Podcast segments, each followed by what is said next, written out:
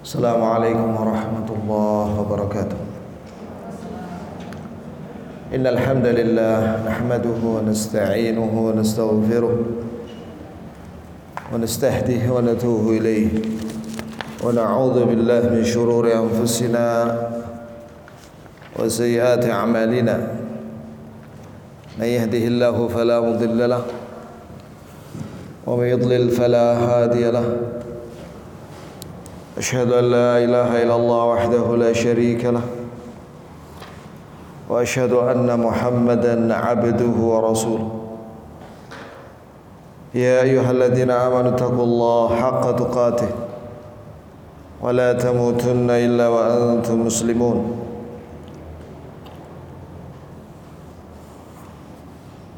Amma ba'd Umahat sekalian, akhwat sekalian yang dirahmati oleh Allah. Barakallahu li wa lakum Wa barakallahu alayya wa alaykum Wa barakallahu fiyya wa fikum Amin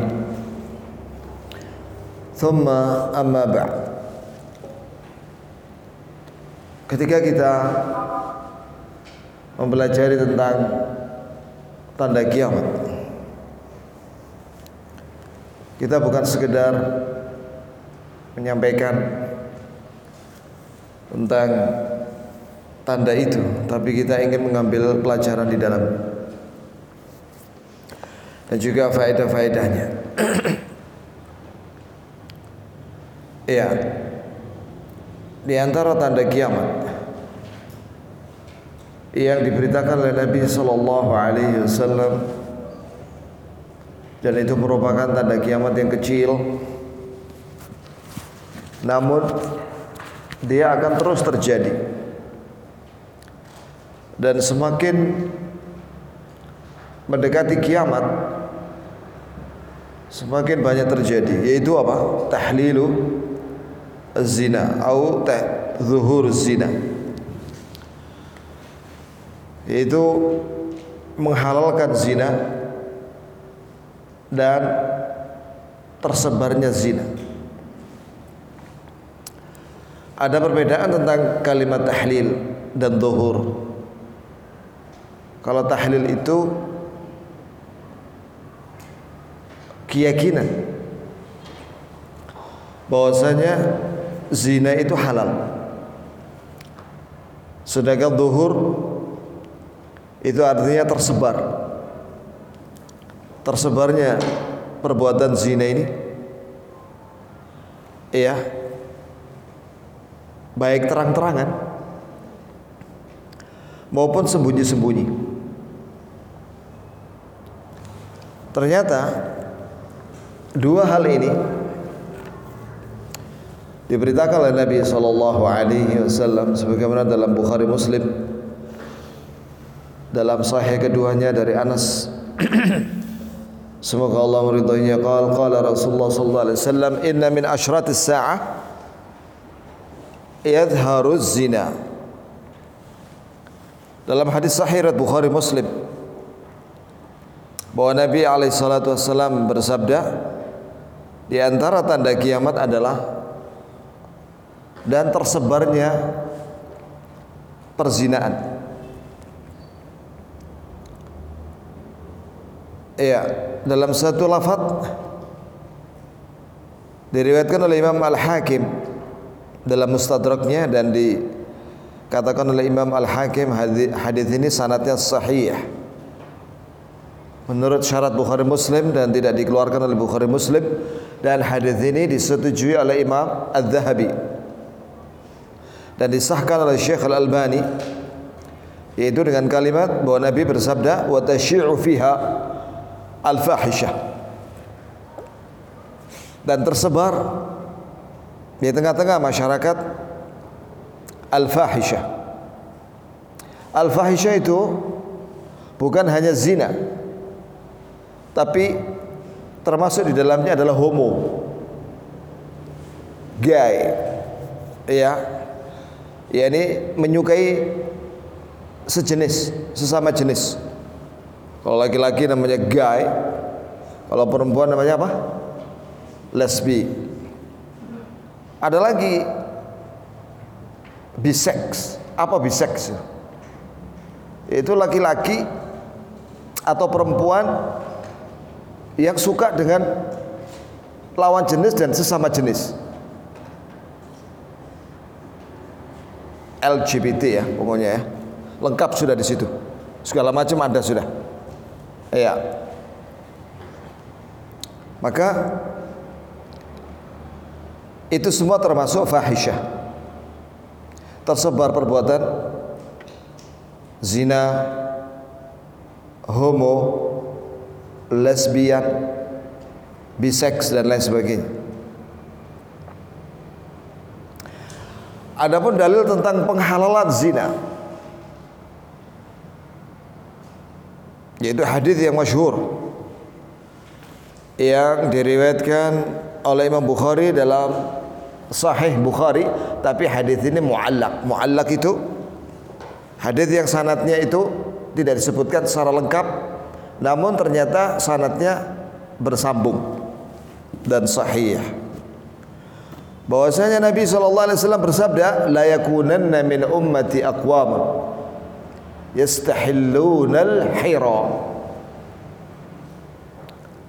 kata Nabi alaihi salatu wasallam sungguh-sungguh akan ada pada umatku kaum-kaum yang menghalalkan hira. Hira itu adalah kemaluan wanita.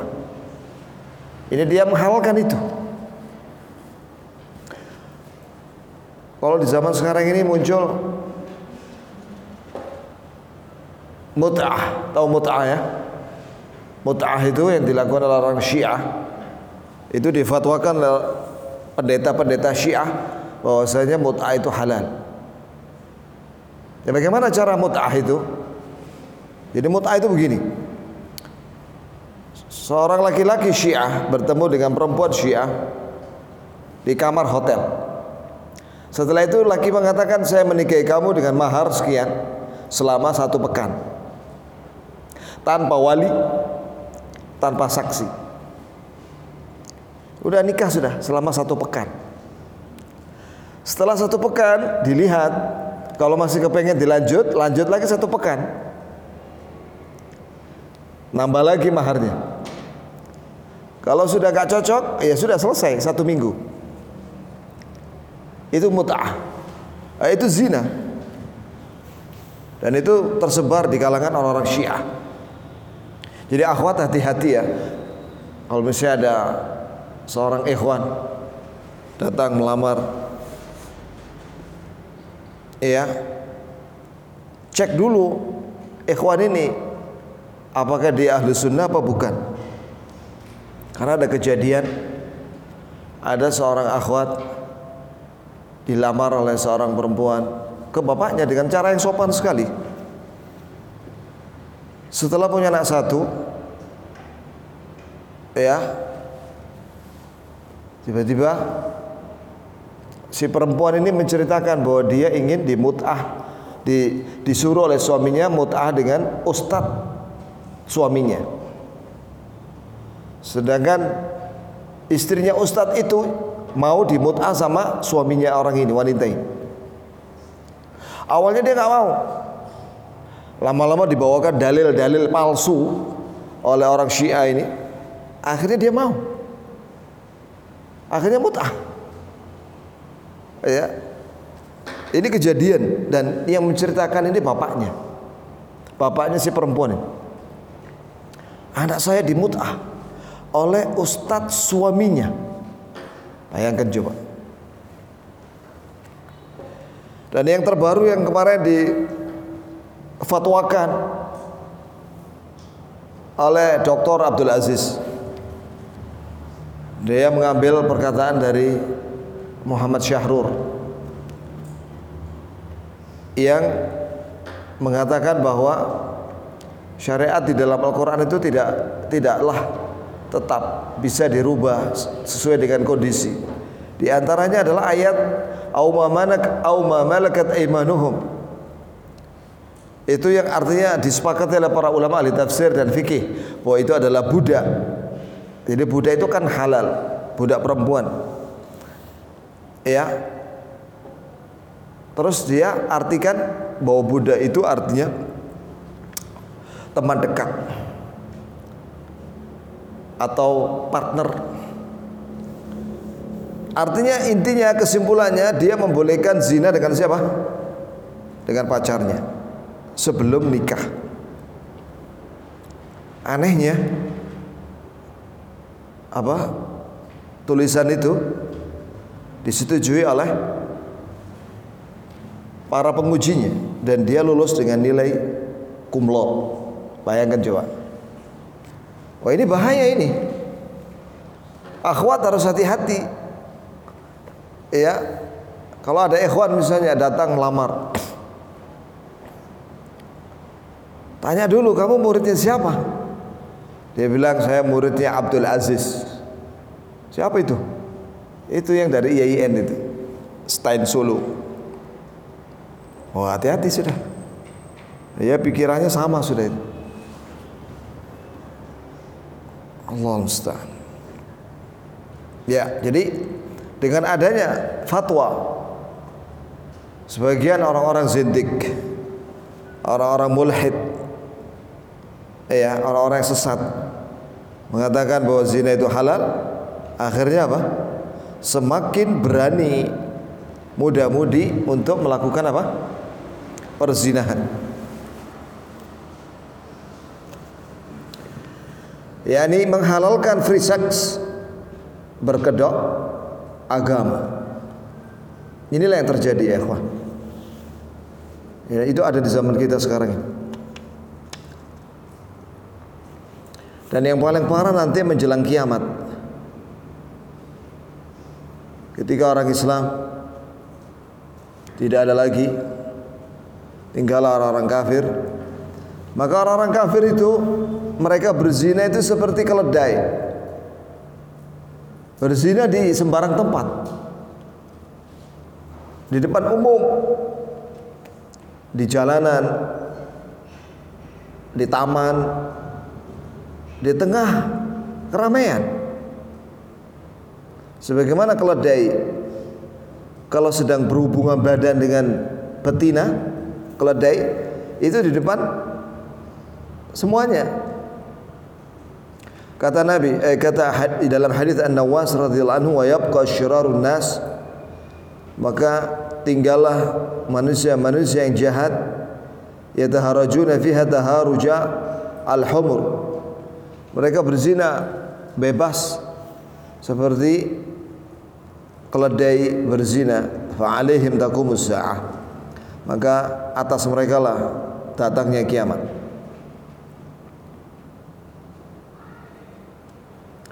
Dalam satu riwayat itu tadi hadis riwayat Muslim.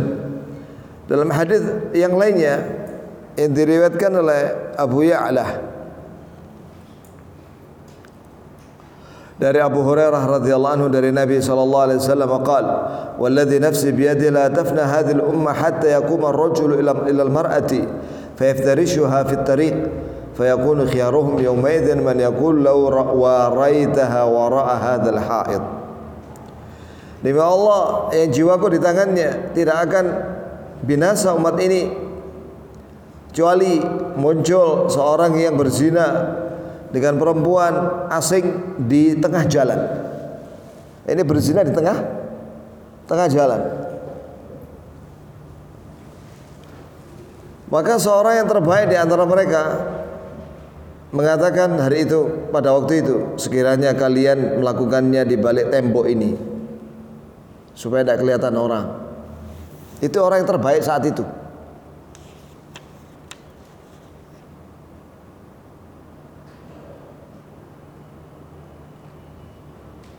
Kata Imam Al-Qurtubi dalam syarah Sahih Muslim yaitu Al-Mufhim dalam kitabnya Al-Mufhim syarah Sahih Muslim menyatakan fi hadzal hadits alamun min a'lamin nubuwah idza akhbara an umurin sataqa fawaqa'at khususan fi hadhil azman. Di dalam hadis ini terdapat tanda-tanda kenabian. Ketika Nabi SAW beritakan bahwa akan terjadi perkara-perkara yang akan terjadi dan ternyata sekarang sudah terjadi, yakni di zamannya Imam Al-Qurtubi itu banyak orang berzina. Imam Al-Qurtubi meninggal tahun 656 656 Hijriah Sekarang tahun berapa ya akhi? Akhwat Sekarang tahun berapa? 1441 Berarti 6 ditambah 2 berapa? 8 abad. Ya yang lalu. Wah, apalagi sekarang. Lebih banyak lagi. Ya terang-terangan ada orang menikahi laki-laki. Terang-terangan. Ada perempuan menikahi perempuan terang-terangan. Bahkan ada yang kaum homo itu poligami sesama poligami eh sesama homo.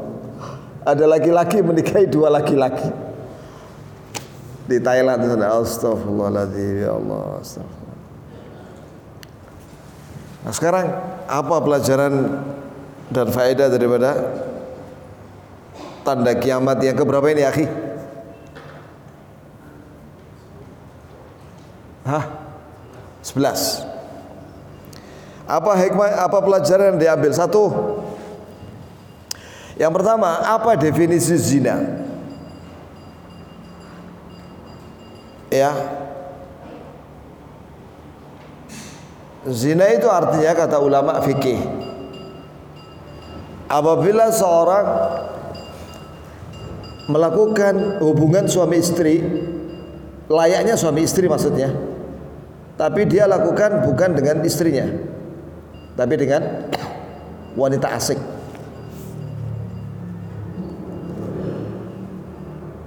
ada lagi yang menafsirkan begini lebih lebih jelas lagi. Apabila adkhala al-hasyafata fi farjil mar'ah. Apabila dia memasukkan kepala zakar ke dalam kemaluan wanita asing. Itulah arti definisi apa? Zina. Lalu apakah kalau seorang berpacaran itu dikatakan berzina Ya, yang dimaksud dengan zina yang hukuman had, hukuman badan, cambuk 100 kali dan rajam bagi yang sudah pernah menikah, ya itu maksudnya yang tadi itu. Adapun kalau pegangan tangan, nah itu zina tangan.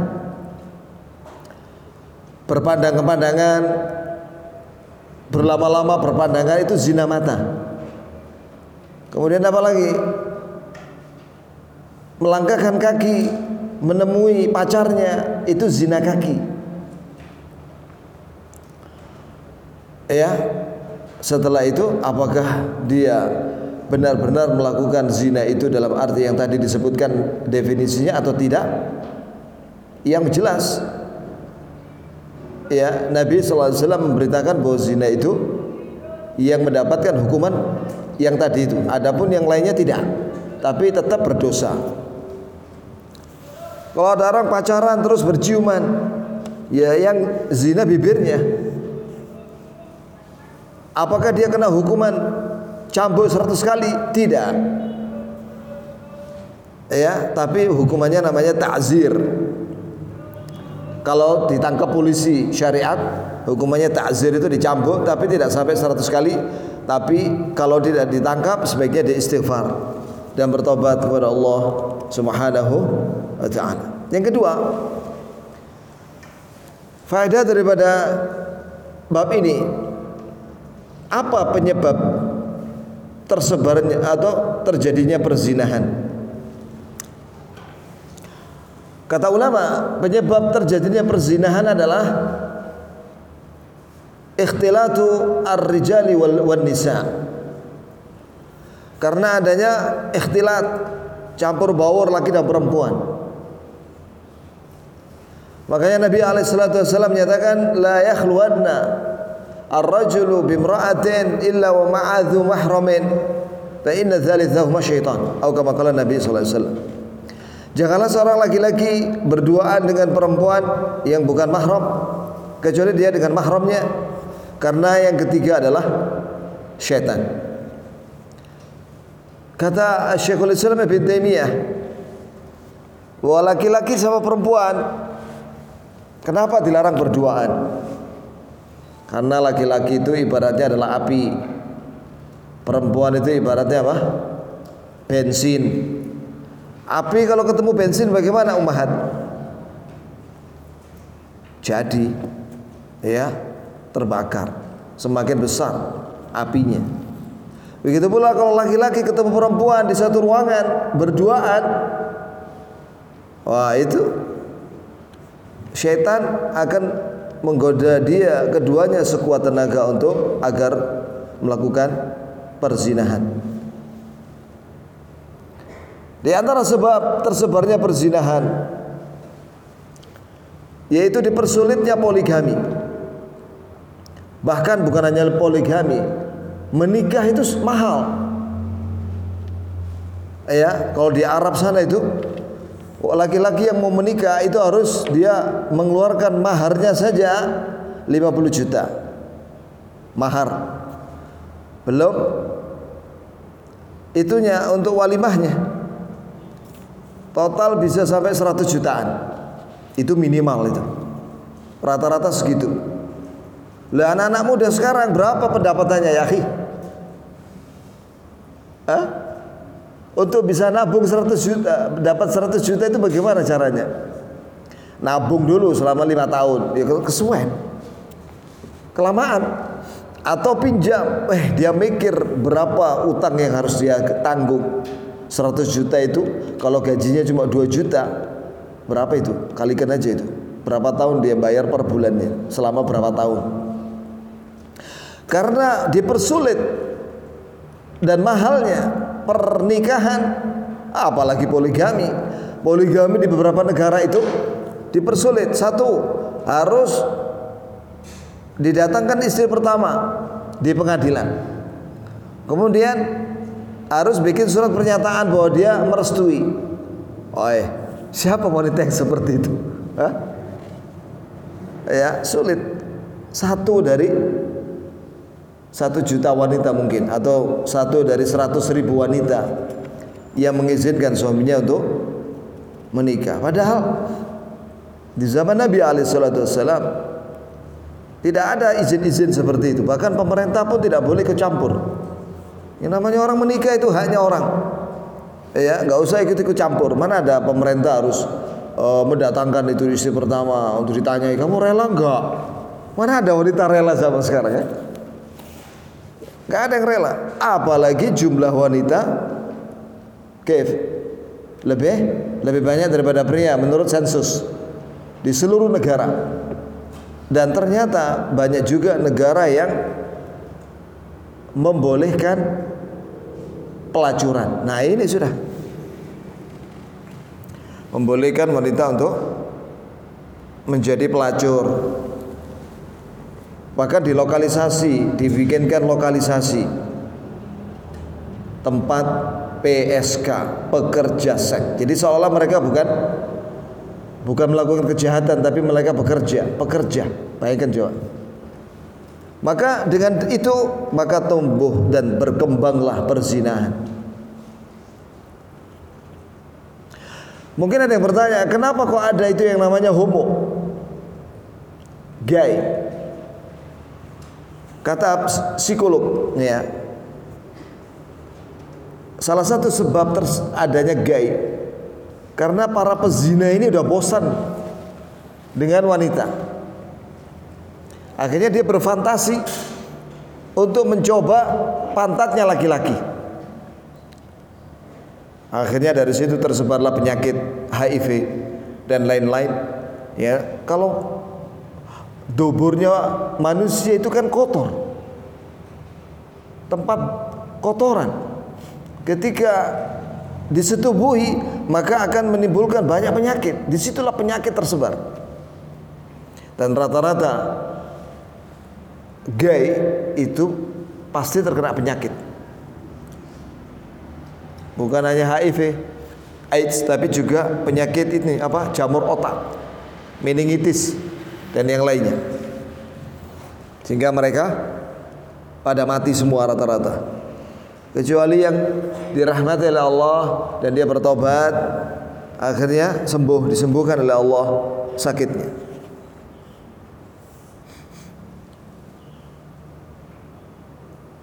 Nah sekarang apa akibat buruk daripada zina ini tersebarnya zina? Itu munculnya anak-anak yang gak jelas bapaknya. Yang kasihan itu kalau anak-anak ini perempuan. Perempuan. Ya. Sehingga apa? Dia nggak punya wali kecuali wali wali hakim. Kalau menikah, bapaknya yang menzinai itu tidak boleh jadi wali. Sehingga anak perempuan ini tidak bisa mewarisi harta bapaknya. Karena itu bukan bapak kandungnya. Walaupun secara biologis itu adalah bapak bapaknya, tapi secara syariat tidak dianggap. Karena itu hasil apa? Perzinahan. Maka solusinya adalah harus digalakkan pernikahan. Ya, para pemuda yang sudah mak sanggup untuk menikah, sebaiknya dia segera menikah. Dan dihidupkan lagi syariat poligami. Karena Allah Subhanahu wa taala menyatakan dalam Al-Qur'an surat An-Nisa, "Fankihu ma taba lakum minan nisa matna wa thulatha wa ruba'." Jika kalian uh, nikahilah oleh kalian wahai laki-laki nikahilah oleh kalian wanita-wanita yang yang yang baik menurut kalian ya dua, tiga atau empat. Itulah solusi dari Allah Subhanahu wa taala sehingga insya Allah itu akan mengurangi apa? perzinahan. Di antara nah ini ini baru yang ke-11. Ya. Sekarang yang ke-12.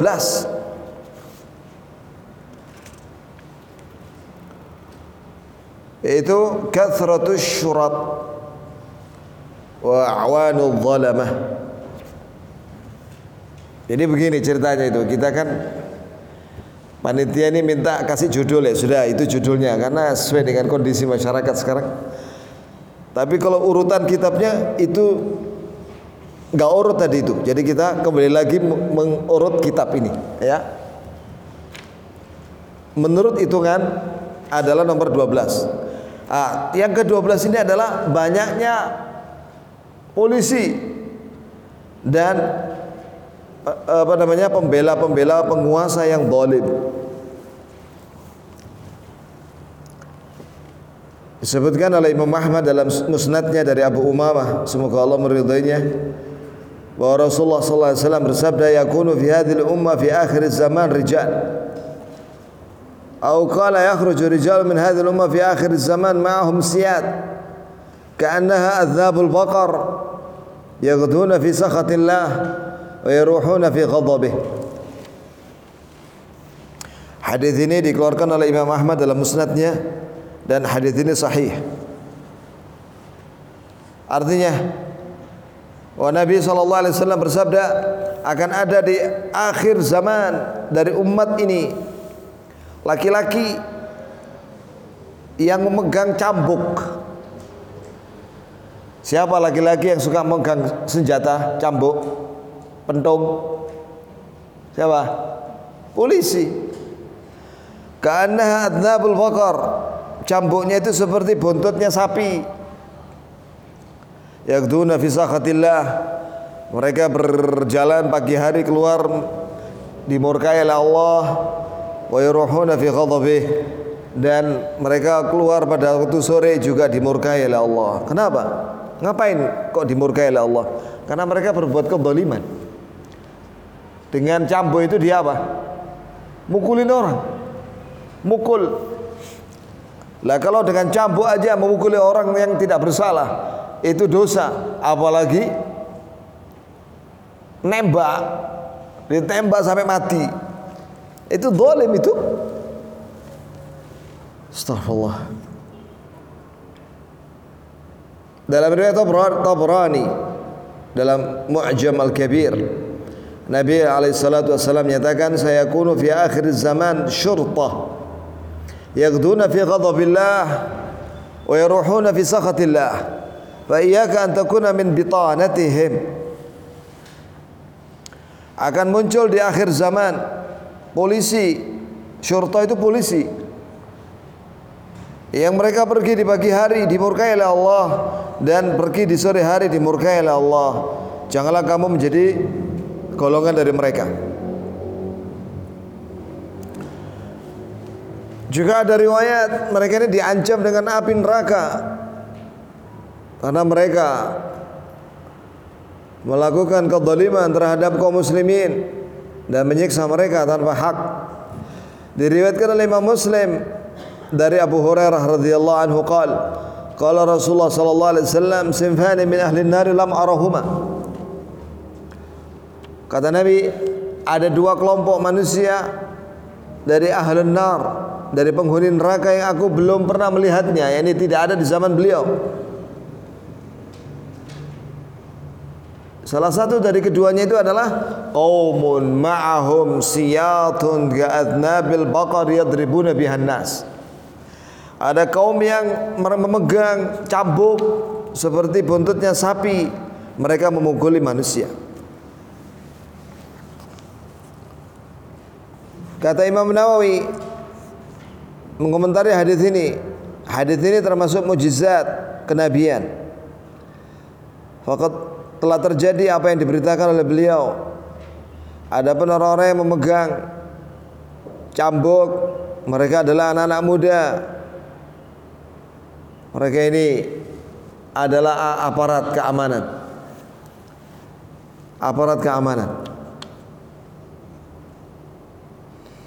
Kata Abu Hurairah radhiyallahu anhu, "In talat bika muddah aw syakta an tara qauman yaqduna fi sakhatillah wa yaruhuna fi la'natih fi aydihim mithlu adznabil baqar."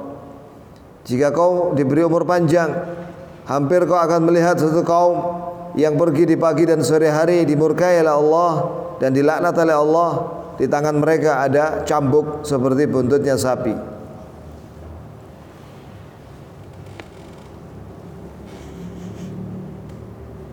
Dalam satu riwayat. Dari Ibn Abbas semoga Allah meridhai keduanya. Qal qala Rasulullah sallallahu alaihi wasallam yakunu alaikum umara hum syarru minal majus. Akan muncul pada kalian amir-amir. Amir-amir itu amir itu ada dua. Ada amir yang paling gede itu namanya raja atau presiden ya top pimpinan amir terus yang ada di bawahnya itu gubernur mereka lebih buruk daripada majus. Majus. Nasallahu salamatu afiyah. Di sini diambil beberapa pelajaran. Yang pertama itu haramnya melakukan kedoliman karena semua yang disebut di sini oleh Rasulullah sallallahu alaihi wasallam tentang aparat yang dimurkai oleh Allah dan dilaknat oleh Allah karena mereka suka mendolimi orang lain. Karena mereka merasa memiliki kekuasaan dan e, senjata sedangkan yang disiksa itu tidak punya senjata. Maka disiksa sampai mati atau dipukuli tanpa hak ya Memukul penjahat itu ada dua. Ada yang memukul dengan hak, ada yang memukul tanpa hak. Yang memukul dengan hak apabila itu sudah diproses dalam pengadilan syar'i dan sudah diputus oleh hakim, maka hukumannya apa misalnya hukuman mati ya mati. Kalau hukuman cambuk ya cambuk. Nah, itu boleh.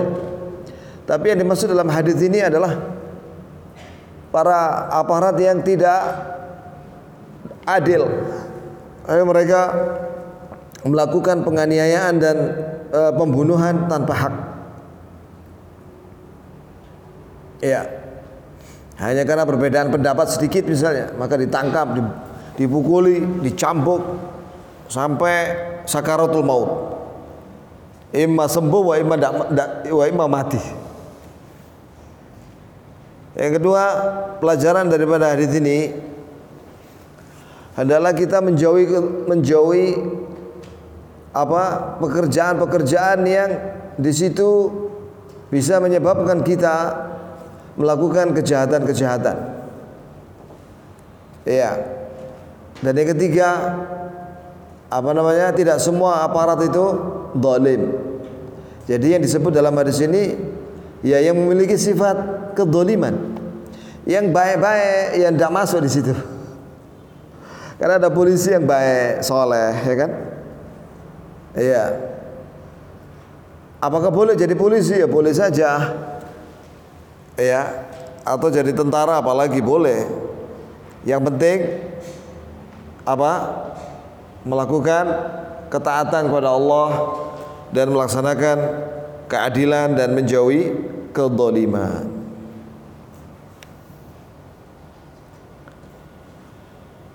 Ya, kedoliman itu bukan hanya bagi polisi yang dilarang, semuanya nggak boleh.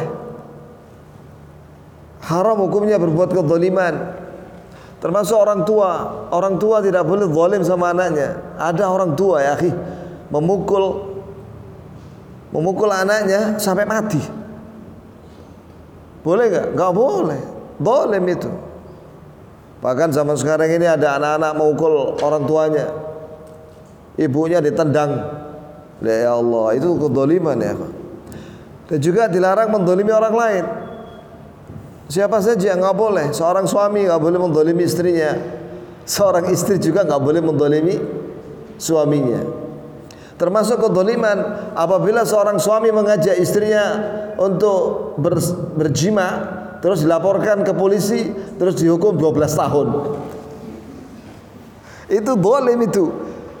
Itu hanya suami itu kok di, kok malah dihukum 12 tahun ceraikan aja wanita kayak gitu ya kalau ada wanita melaporkan suaminya karena diajak jima tidak mau ceraikan langsung masih banyak wanita yang soleha ya masih banyak wanita yang soleha. Seorang laki-laki yang soleh dia akan mengetahui kapan istrinya itu capek atau tidak. Pastilah tahu dia. Nggak mungkin ketika istrinya sakaratul maut dijimai eh?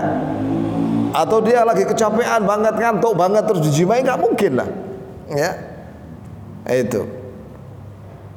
Orang-orang yang bikin undang-undang itu karena laporan dari wanita seorang wanita yang liberal itu ngadopsi dari barat jadi di barat itu ya namanya orang barat ya ini kafir itu kadang mabuk pulang mabuk mabuk ini dalam keadaan mabuk pulang Kemudian didapati istrinya langsung diperkosa sambil kesakitan dan tidur dan sebagainya. Ah, itu di barat ya akhi. Kalau orang Islam kan tidak seperti itu. Iya kan? Mana ada orang Islam mabuk-mabuk terus istrinya diperlakukan kayak hewan? Kan tidak ada. Nah, itu. Itu karena hukum barat kemudian dipaksakan pada orang Islam. Gimana coba? dilaporkan ke kepolisian dihukum 12 tahun Allah musta'an Ya ini yang keberapa tadi? Hah? 12 Baik, sekarang 13 Sampai jam biru ya akhi? Masih ada waktu ya? Ya yang ke-13 ya? Qabdul ilm wa zuhurul jahl. Di antara tanda kiamat itu diangkatnya ilmu dan tersebarnya kebodohan.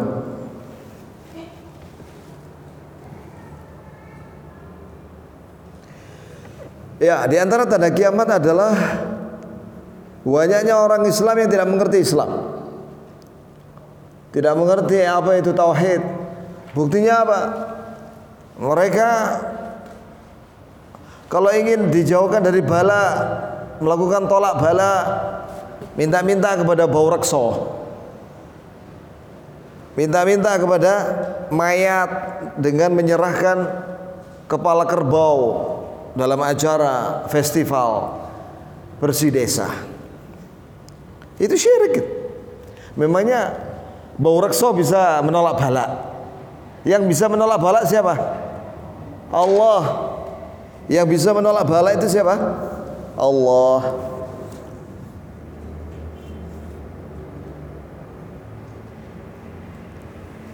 Yang bisa menurunkan berkah rezeki siapa?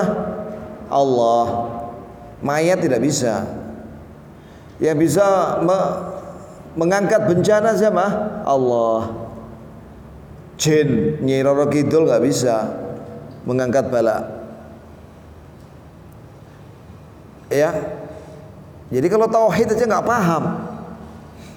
Padahal itu pembeda antara Islam dengan kafir dan musyrik. Parah sudah itu. Orang Islam tidak mengerti tauhid. Nggak ngerti bedanya tauhid dengan syirik. Sekarang banyak juga uh, orang Islam tidak mengerti makna la ilaha illallah. Setiap malam Jumat legi atau pahing ya. Bukan wahing ya, pahing ya. Itu pergi ke Gunung Kawi untuk minta pesugihan. Ini orang ini setiap malam Jumat mengucapkan la ilaha illallah 100 kali. Tapi pada malam Jumat pahing dia ke ke Gunung Kawi minta pesugihan sama mayat di sana. Ini berarti tidak paham makna la ilaha illallah. Harusnya orang kalau ngerti la ilaha illallah, dia tidak berdoa kecuali kepada kepada Allah, minta kaya kepada Allah. Jangan minta kepada mayat yang ada di Gunung Kawi atau di Gunung Kemukus atau di gunung yang lainnya. Banyak juga orang tidak mengerti sholat. Ya, ada orang sholat terawih 23 rakaat 7 menit. Padahal tuh maknina itu hukumnya apa? Rukun sholat. Dia itu rukun sholat. Hah. Iya. Begitu pula dalam hal rumah tangga. Wah banyak sekali orang tidak mengerti masalah bagaimana adab-adab rumah tangga dalam Islam. Ya. Ada seorang akhwat. Akhwat ini tanya, "Ustaz, gimana ini? Suami saya minta jima lewat dubur." Lo gak boleh. Dia maksa, maksa dia. Kalau enggak dicerai. Jangan mau. Waduh. Berarti tidak mengerti hukum apa? Jima lewat dubur. Gak boleh ya. Eh, saya rinci. Maksudnya apa itu lewat dubur? Apakah menjimai farjnya lewat belakang atau dimasukkan di dubur? Dimasukkan di dubur, Ustaz. Gak boleh. Kalau pada farjnya lewat belakang itu masih boleh. Ini yang dijimai ini duburnya. Nggak boleh. Ya. Jadi harus belajar dulu apa itu ilmu pranikah. Ada nggak di sini? Ilmu tentang pranikah. Sebelum menikah itu harus ada ilmunya dulu, ya. Apa saja yang dibolehkan, mana yang nggak boleh, supaya ketika menikah itu sudah sudah memiliki ilmu, ada rambu-rambunya. Ya, banyak sekarang karena mahasiswa nggak bisa baca Quran. Padahal dulunya waktu SD dia udah bisa. Ya karena waktu SMP dan SMA nggak di, nggak dibaca Quran. Yang dibaca itu ini game online. Akhirnya ketika mahasiswa hilang sudah Qurannya, nggak bisa baca Quran. Ini salah satu tanda kiamat. Banyak orang bodoh tidak mengerti Islam. Nabi SAW bersabda dalam hadis Bukhari Muslim, "Min asyratis sa'ah an yurfa'al ilm wa yathbutal jahlu." Di antara tanda kiamat, di antara tanda kiamat adalah Diangkatnya ilmu, apa maksudnya diangkatnya ilmu? Ada dua. Yang pertama, diwafatkannya ulama. Jika ulama itu meninggal, dibawa juga ilmunya. Sulit. Muridnya tidak ada yang seperti gurunya. Yang kedua, benar-benar Al-Quran ini akan diangkat ke langit. Baik yang ada di dalam kertas maupun yang ada di dada manusia sehingga dia tidak hafal lagi. Dan mushaf diangkat ke langit. Tidak ada lagi mushaf di dunia. Atau dihapus tulisan itu oleh Allah. Sehingga buku-buku mushaf itu tidak ada lagi tulisan Al-Quran. Itulah yang dimaksud dengan diangkatnya ilmu. Kalau yang yang kedua tadi itu akan diangkat di akhir zaman di menjelang kiamat wa yathbutal jahl dan tetaplah kebodohan yang ada pada masyarakat. Yathbutul jahl yakni masyarakat itu bodoh dan tidak mau belajar. Ya sampai kewut. Tahu kewut ya akhi?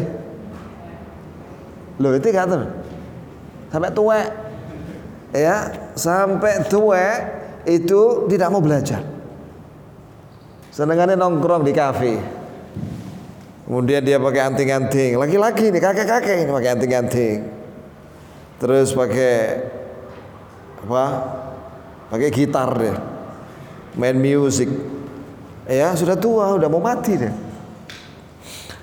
Akhirnya mati dalam keadaan overdosis. Kakek-kakek mati overdosis. Ya ini dia akan bodoh dan tidak mau tidak mau belajar. Tidak mau ngaji, tidak mau belajar. Ustadz dia juga ngaji, ngaji apa? Ikut konser solu alaih konser solu ali. Jadi setiap setiap ada pengajian cuma nyanyi aja. Solu ali, solu ali. Bagaimana toh? Yang nggak nggak dapat ilmu. Masa ilmunya konser solu ali? Anda tahu nggak konser solu ali? Jadi nyanyi solu ali. Begitu toh? Eh, gampang lah solu ali. Tapi artinya apa gak deh? Ya bodoh sampai kiamat ya. Ada lagi yang pengikutnya itu satu stadion. Dan dia mengatakan madad ya Rasulullah, madad ya Rasulullah, minta bantuan kepada Rasulullah. Syirik hat. Syirik. Kalau orang Syiah, madad ya Husain, madad ya Husain, minta bantuan sama Husain. Ini musyrik.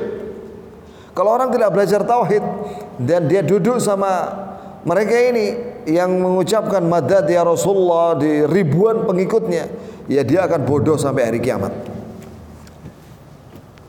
Makanya pentingnya uh, pengajian seperti ini umat sekalian, ya perlu digalakkan. Alhamdulillah sekarang ini banyak masjid-masjid yang menghidupkan pengajian pada maghrib sampai isya, ya. Kemudian juga ada pengajian subuh, tapi subuh ini cuma Sabtu dan Ahad. Senin sampai Jumat tidak ada subuh, nggak ada pengajian subuh. Sabtu sama Ahad saja. Kalau pas khutbah Jumat turu tidur ya eh sudah wis. Jadi nggak ada pengaji nggak ikut pengajian. Kalau sekali ikut kajian konser solu ale sama madad ya Rasulullah ya akhirnya nggak dapat sudah ilmu. Sampai mati dalam keadaan overdosis. Miras oplosan. Ada itu kemarin itu Tonggol Wolung. Pas acara festival desa bersih desa. Ada wak kaji dia menyumbangkan uangnya untuk mabuk-mabukan jadi malam menjelang besoknya itu acara bersih desa malamnya itu pesta miras ini yang nyumbang duit ini wak kaji jadi eh, minuman keras dicampur dengan obat nyamuk. Kemudian itu loh obat nyamuk yang untuk di tangan itu. Kemudian dicampur dengan spiritus, dicampur dengan apa lagi? Alkohol, diaduk begini, dioplos. Nah itu diminum rame-rame. Empat orang mati. Empat orang mati, termasuk wakaji itu. Dan yang delapan orang sakaratul maut. Tidak tahu apakah mati apa tidak, saya nggak ngikuti lagi beritanya. Lah mau bersih desa dari roh jahat, bersih desa dari bencana, ya. Tapi mabuk-mabukan, akhirnya kena bencana dia. Nah, ini salah satu bentuk kebodohan, ya. Sampai kewut tetap nggak mau belajar agama. Ini yang menyebabkan apa? Eh, kefasikan dan dosa-dosa. Maaf ya, saya ini orang Arema, jadi roto roto ono Arema didik. Ya. Tapi ya, Diriwayatkan oleh Imam Bukhari dari Syakik, qala kuntu ma Abdullah wa Abi Musa wa qala qala Nabi sallallahu alaihi wasallam inna baina yaday as-sa'a la ayyaman yunzalu fiha al-jahl wa al-ilm. Kata Nabi dalam hadis sahih Bukhari bahwa di antara tanda kiamat adalah ada hari-hari diturunkan oleh Allah kebodohan. Ini banyak orang tidak tidak mengerti sama sekali agama Islam dan diangkatlah ilmu dengan diwafatkan para ulama dan juga diangkatnya mushaf dan juga hadis oleh Allah sehingga tidak ada lagi mushaf. Jadi orang yang nggak hafal Quran, kalau mushafnya sudah nggak ada, ya nggak bisa baca Quran dia. Sudah nggak hafal, mushafnya hilang lagi. Ya sudah. Dalam satu riwayat Nabi saw menyatakan dalam hadis sahih riwayat Muslim ya di antara tanda kiamat adalah yuqbadul ilm yuqbadul ilm di diartikan di sini diwafatkannya para ulama kata kata Nabi sallallahu alaihi wasallam Inna Allah la yaqbidul ilma intiza'an yantazi'uhu min al-ibad walakin yaqbidul ilma biqabdil ulama حتى إذا لم يبقى عالما اتخذ الناس اتخذ الناس رؤوسا جهالا فسئلوا فأفتوا بغير علم فضلوا وأضلوا hadis sahih riwayat Bukhari dan Muslim. Bahwa Nabi SAW menyatakan Allah tidak akan mengangkat ilmu langsung diangkat dari dadanya orang. Akan tapi diwafatkannya para ulama itulah diangkatnya ilmu. Sehingga apabila tidak ada lagi orang alim orang akan menjadikan orang-orang bodoh sebagai tokoh agama. Kemudian dia ditanya tentang masalah agama kemudian dia berfatwa tanpa ilmu dan dia sesat dan menyesatkan orang lain jadi ulama banyak yang meninggal kalau ulama sudah nggak ada siapa yang bisa menjelaskan yang ma'ruf dan yang mungkar tidak ada kalau orang bodoh ya dipaksa jadi ulama akhirnya ya itu kama hadza menghalalkan zina. Ya. Anda tahu nggak Muhammad Syahrur yang jadi rujukannya Abdul Aziz itu? Siapa dia? Dia itu dia itu uh, komunis dan ateis. Belajar ilmu teknik sipil di Rusia. Ya, awalnya dia komunis kemudian pulang jadi ateis. Udah saudara kandung gitu komunis sama ateis. Kemudian dia ngarang buku dia rajin ngarang buku. Ngarang buku tapi menyimpang. Dan merubah syariat. Oh disenangi sama orang barat Muhammad Syahrul ini.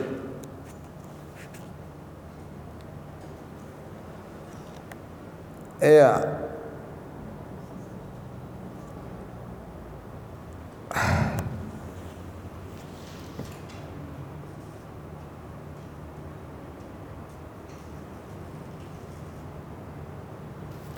Ya.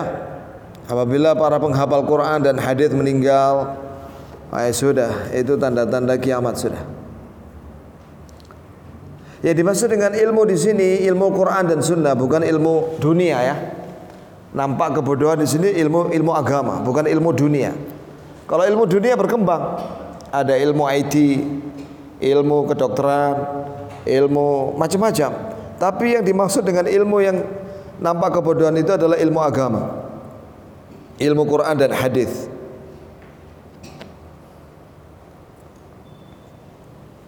Mana dalilnya? Tadi itu Nabi menyatakan mereka ditanya masalah agama, kemudian mereka berfatwa tanpa ilmu, yakni ilmu agama, tanpa ilmu Quran dan Sunnah, maka mereka sesat dan menyesatkan orang lain. Sehingga banyak orang sesat. Sekarang muncul banyak aliran sesat Seperti Syiah Coba lihat orang Syiah itu Setiap tanggal 10 Muharram Mereka melakukan acara apa? Ritual Penyiksaan diri Nah ini kan jelas Bukan dari agama Islam Kenapa mereka hanya meratapi kematian Husain? Kenapa nggak meratapi sekalian bapaknya Husain? yaitu Ali. Bahkan kenapa nggak meratapi kematian kakeknya Husain siapa? Nabi Muhammad. Kenapa kok cuma Husain? Padahal masih banyak sahabat-sahabat yang lebih senior, yang lebih baik daripada Husain. Kenapa mereka tidak meratapinya? Nah, berarti mereka ini mengada-ngada. Belum aliran sesat Al-Qiyadah Al-Islamiyah ya, pimpinannya Ahmad Musaddiq yang mengatakan bahwa sholat tidak wajib. Ada lagi aliran baru di Jakarta namanya agama Salamullah. Pimpinannya seorang perempuan namanya Lia Aminuddin Al-Bugisiyah, orang Bugis. Ya, dia ngaku sebagai Imam Mahdi awalnya. Terus ngaku sebagai nabi. Terus meningkat jadi malaikat Jibril. Jadi dia nggak puas jadi Imam Mahdi dan Rasul. Dia mengangkat dirinya sebagai malaikat Jibril. Ya udah suruh terbang dari Monas sana. Dari Monas suruh terbang. Nanti kalau dia selamat, nah itu berarti dibawa majin. Eh kalau dia mampus, ya berarti apa? Pendusta dia.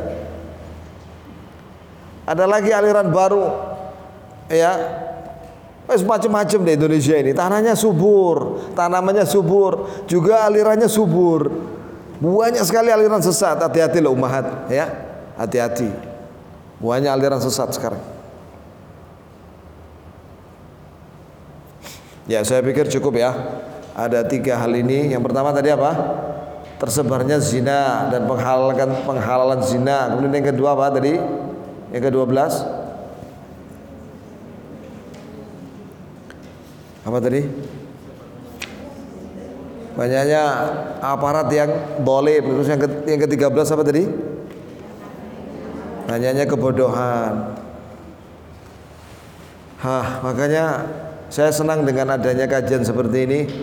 Kalau bisa ada tema-tema uh, lainnya ya, misalnya yang sangat dibutuhkan oleh wanita seperti tentang uh, ilmu tentang rumah tangga, kemudian juga ilmu tentang apalagi eh, parenting ya, dan juga tentang ya ilmu yang berkaitan bermanfaat buat wanita. Tentang akhlak ya dan lain sebagainya. Tentang fikih nisa, fikih perempuan, fikih yang khusus berkaitan dengan wanita. Tapi sebaiknya kalau fikih wanita itu yang ngajar perempuan, ustazah. Karena nanti bahas masalah head, masalah nifas, masalah wanitaan, tanda-tanda bersih dan lain sebagainya. Sebaiknya kalau ada ustazah, ustazah. Eh kalau nggak ada ustazah ya ustazah aja nggak apa-apa. Ya, monggo. Barangkali ada yang mau bertanya.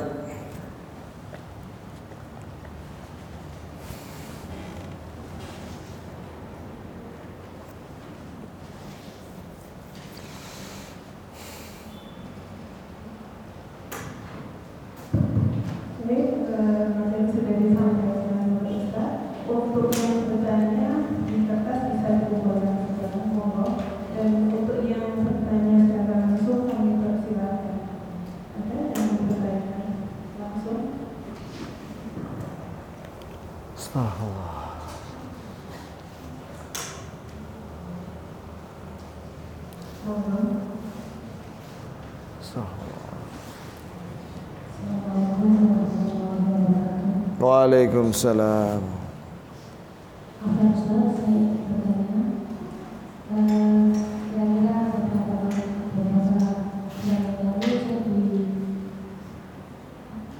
Gak jelas sih suaranya. Beberapa bulan yang lalu saya sahabat. Atau duduk sini terangkan ini maaf.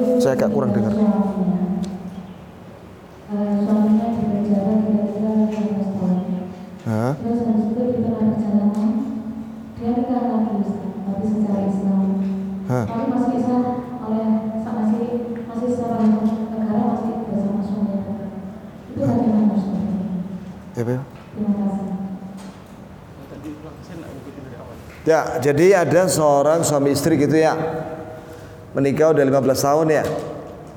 Kemudian menikah lagi. Hah? Betul? Yang kedua apa yang ketiga? Yang kedua?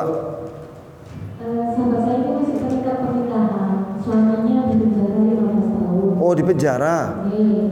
Habis itu dia nikah lagi di Yang yang menikah lagi yang perempuan? Iya. Ya. Taib, taib, taib. Jadi begini. Harusnya ketika suaminya itu dipenjara 15 tahun, wanita ini disuruh milih oleh walinya, orang tuanya. Nah, kamu itu suamimu dipenjara 15 tahun. Yang namanya laki-laki di penjara tidak bisa memberi nafkah kecuali kalau dia punya usaha di luar penjara yang kau bisa masih menikmati. Maka kamu ada dua pilihan. Ya, apakah kamu mau cerai? Caranya dengan gugat di pengadilan. Atau kamu mau bertahan nunggu dia sampai 15 tahun. Tidak ada pilihan yang ketiga. Kemudian masih suami istri si perempuan terus nikah lagi dengan laki-laki lain padahal dia belum diceraikan. Tidak boleh. Dia masih statusnya masih istrinya orang yang dipenjara itu. Jelas ya, umat. Jadi kalau ada kasus seperti itu, sebaiknya ah ini pentingnya uh, pendidikan untuk akhwat ya, untuk ummahat. Ya, apabila suaminya kena masalah di penjara sampai bertahun-tahun, itu wanita itu boleh mengajukan gugat cerai jika memang suaminya itu apa tidak bisa beri nafkah dan itu apa namanya bukan hanya nafkah lahir ya paten juga jelas gak bisa di penjara ya ya maka dia boleh gugat cerai di pengadilan agama supaya nanti diputus oleh hakim bahwa dia khulu menggugat cerai terhadap suaminya dan disahkan oleh hakim. Setelah satu kali head, maka dia boleh nikah dengan laki-laki lain. Tapi kalau dia sabar nunggu suaminya yang di penjara itu, ya padahal juga eh, masalahnya berat karena kasus narkoba. Suaminya lo pecandu narkoba, dinteni ya, ya wis entenono, ya sampai 15 tahun. Ya ya tunggu aja. Lah terus gimana nanti kehidupan sehari-hari? Katanya ada usaha ya sudah silakan. Mungkin dia setia sama suaminya. Walaupun pecandu narkoba. Jelas ya? Akhwat pertanyaan penanya? Jadi nggak boleh dia nikah lagi karena dia statusnya masih istrinya orang. Dia harus gugat cerai dulu. Selesaikan di pengadilan agama gugat baru setelah masa iddah selesai yaitu satu kali head maka boleh dia nikah sama laki-laki lain karena dalam proses di pengadilan agama itu ada panggilan dari hakim dari panitera terhadap suaminya di, di, di, dikasih tahu nanti ada undangan di di, diberikan kepada suaminya yang ada di penjara. Karena suaminya nggak bisa keluar, ya udah itu semakin cepat prosesnya. Yang penting suaminya tahu bahwa dia lagi digugat cerai. Ya. Ini ada pertanyaan, apa hukumnya membayar iuran wajib untuk acara bersih desa yang jelas-jelas itu ada kesyirikan. Jangan ikut. Jangan ikut iuran ya untuk acara itu. Jelas-jelasan aja nggak usah ikut gitu aja. Yang kedua, bagaimana cara terbaik mendakwahi masyarakat sekitar kita tentang kesyirikan dan kemaksiatan yang ada pada acara bersih desa. Ah, ini yang sebenarnya tugasnya ulama ini ya, tugasnya MUI. Tugasnya MUI ini sebenarnya. Dan juga pemerintah yang harus diberitahu. Ya bahwa acara seperti itu bersih desa itu banyak kemungkaran di dalamnya. Bahkan kesyirikan. Bahkan uh, mereka mendatangkan dukun tukang sihir paranormal untuk mengusir roh jahat katanya. Oh dia jahat? Gimana mengusir roh jahat? Oh dia itu jahat. Musyrik.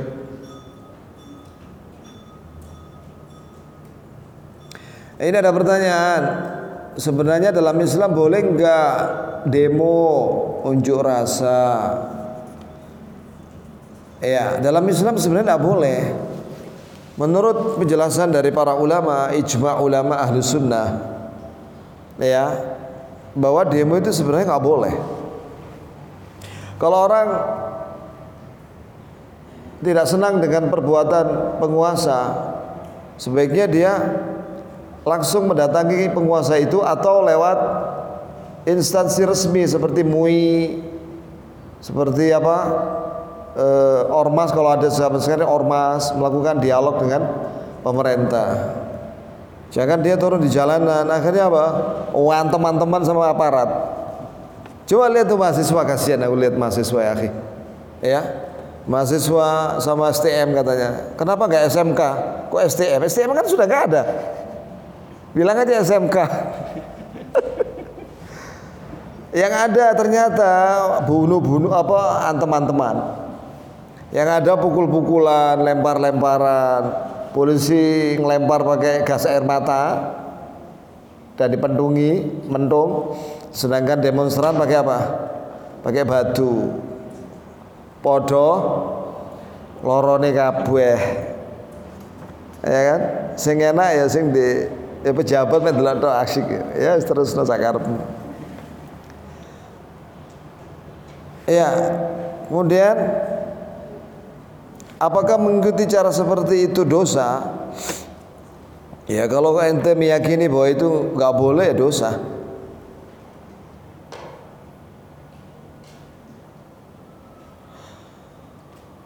Ya, walaupun misalnya diizinkan oleh pemerintah. Karena demo-demo itu, coba lihat tuh demo yang ada di Papua. Aduh, sudah itu sudah pembunuhan sudah itu ya pembantaian bukan demo lagi. Awalnya demo lama-lama apa? Pembantaian massal mungkin saya tambahkan sedikit tentang pentingnya solusi islami terhadap persoalan bangsa. Tahu nggak? Kenapa kok banyak musibah di Indonesia ini? Banyaknya musibah di Indonesia ini ya karena dosa-dosa. Karena dosa-dosa dan maksiat. Maka solusinya adalah kita bertobat kepada Allah. Laksanakan perintah Allah dan jauhi larangannya. Itulah solusinya. Ya. Ada pembahasan kemarin saya di ada dua tempat. Yang pertama tentang 14 sebab-sebab sebab-sebab mendapatkan rahmat Allah bagi bangsa dan negara kita. Yang kedua temanya tentang 10 sebab berkah dan tambahan nikmat dari Allah untuk bangsa kita. 10. Ya bahkan lebih dari 10. Ada 12. Jadi kalau ingin mendapatkan rahmat Allah dan keberkahan dan tambahan nikmat dan rezeki itu amalkan Islam bukan dengan marah-marah di jalanan ya. Gitu.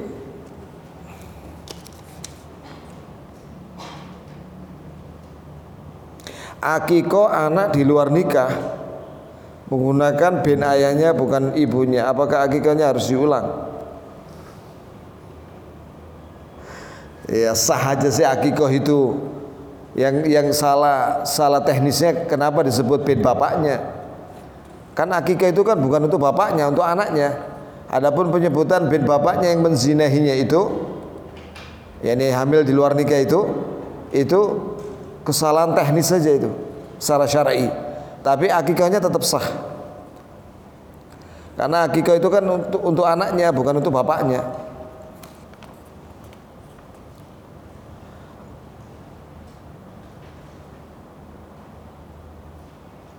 Apa yang harus kita lakukan untuk dakwah terhadap acara bersih desa? Ah, itu sudah saya jawab.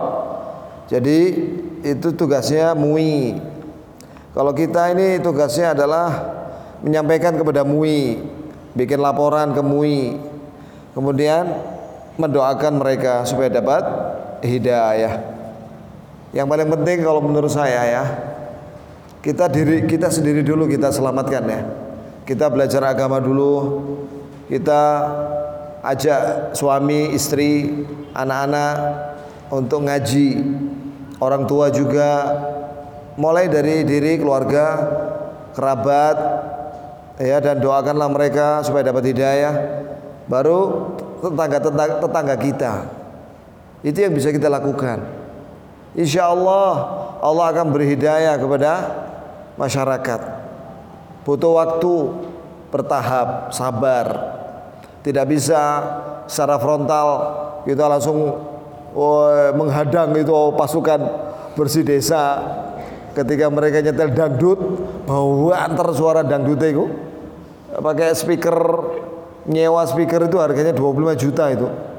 Ya nyetel dangdut sampai kupingnya rasanya kayak kata pecah gendang kita orang ini. Kita orang dalam mobil itu yang kedap suara itu sampai buan terus sampai masuk ke dalam mobil dan bikin macet-macet. Nah, untuk bisa mendakwai mereka tidak bisa instan. Eh butuh waktu. Mungkin setahun dua tahun sampai lima tahun sepuluh tahun. Ya udah kalau mereka tidak mau dinasihati ya kita kita aja. Kita pengen selamat kok.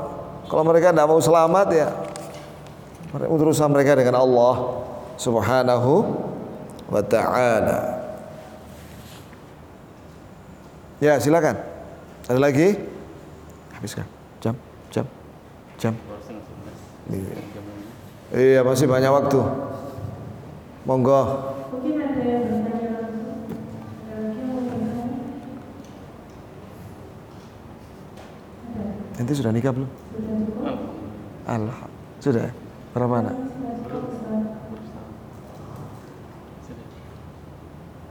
Sudah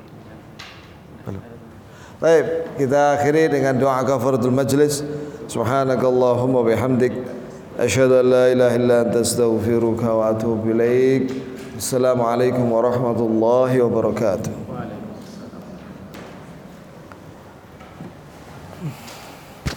Materi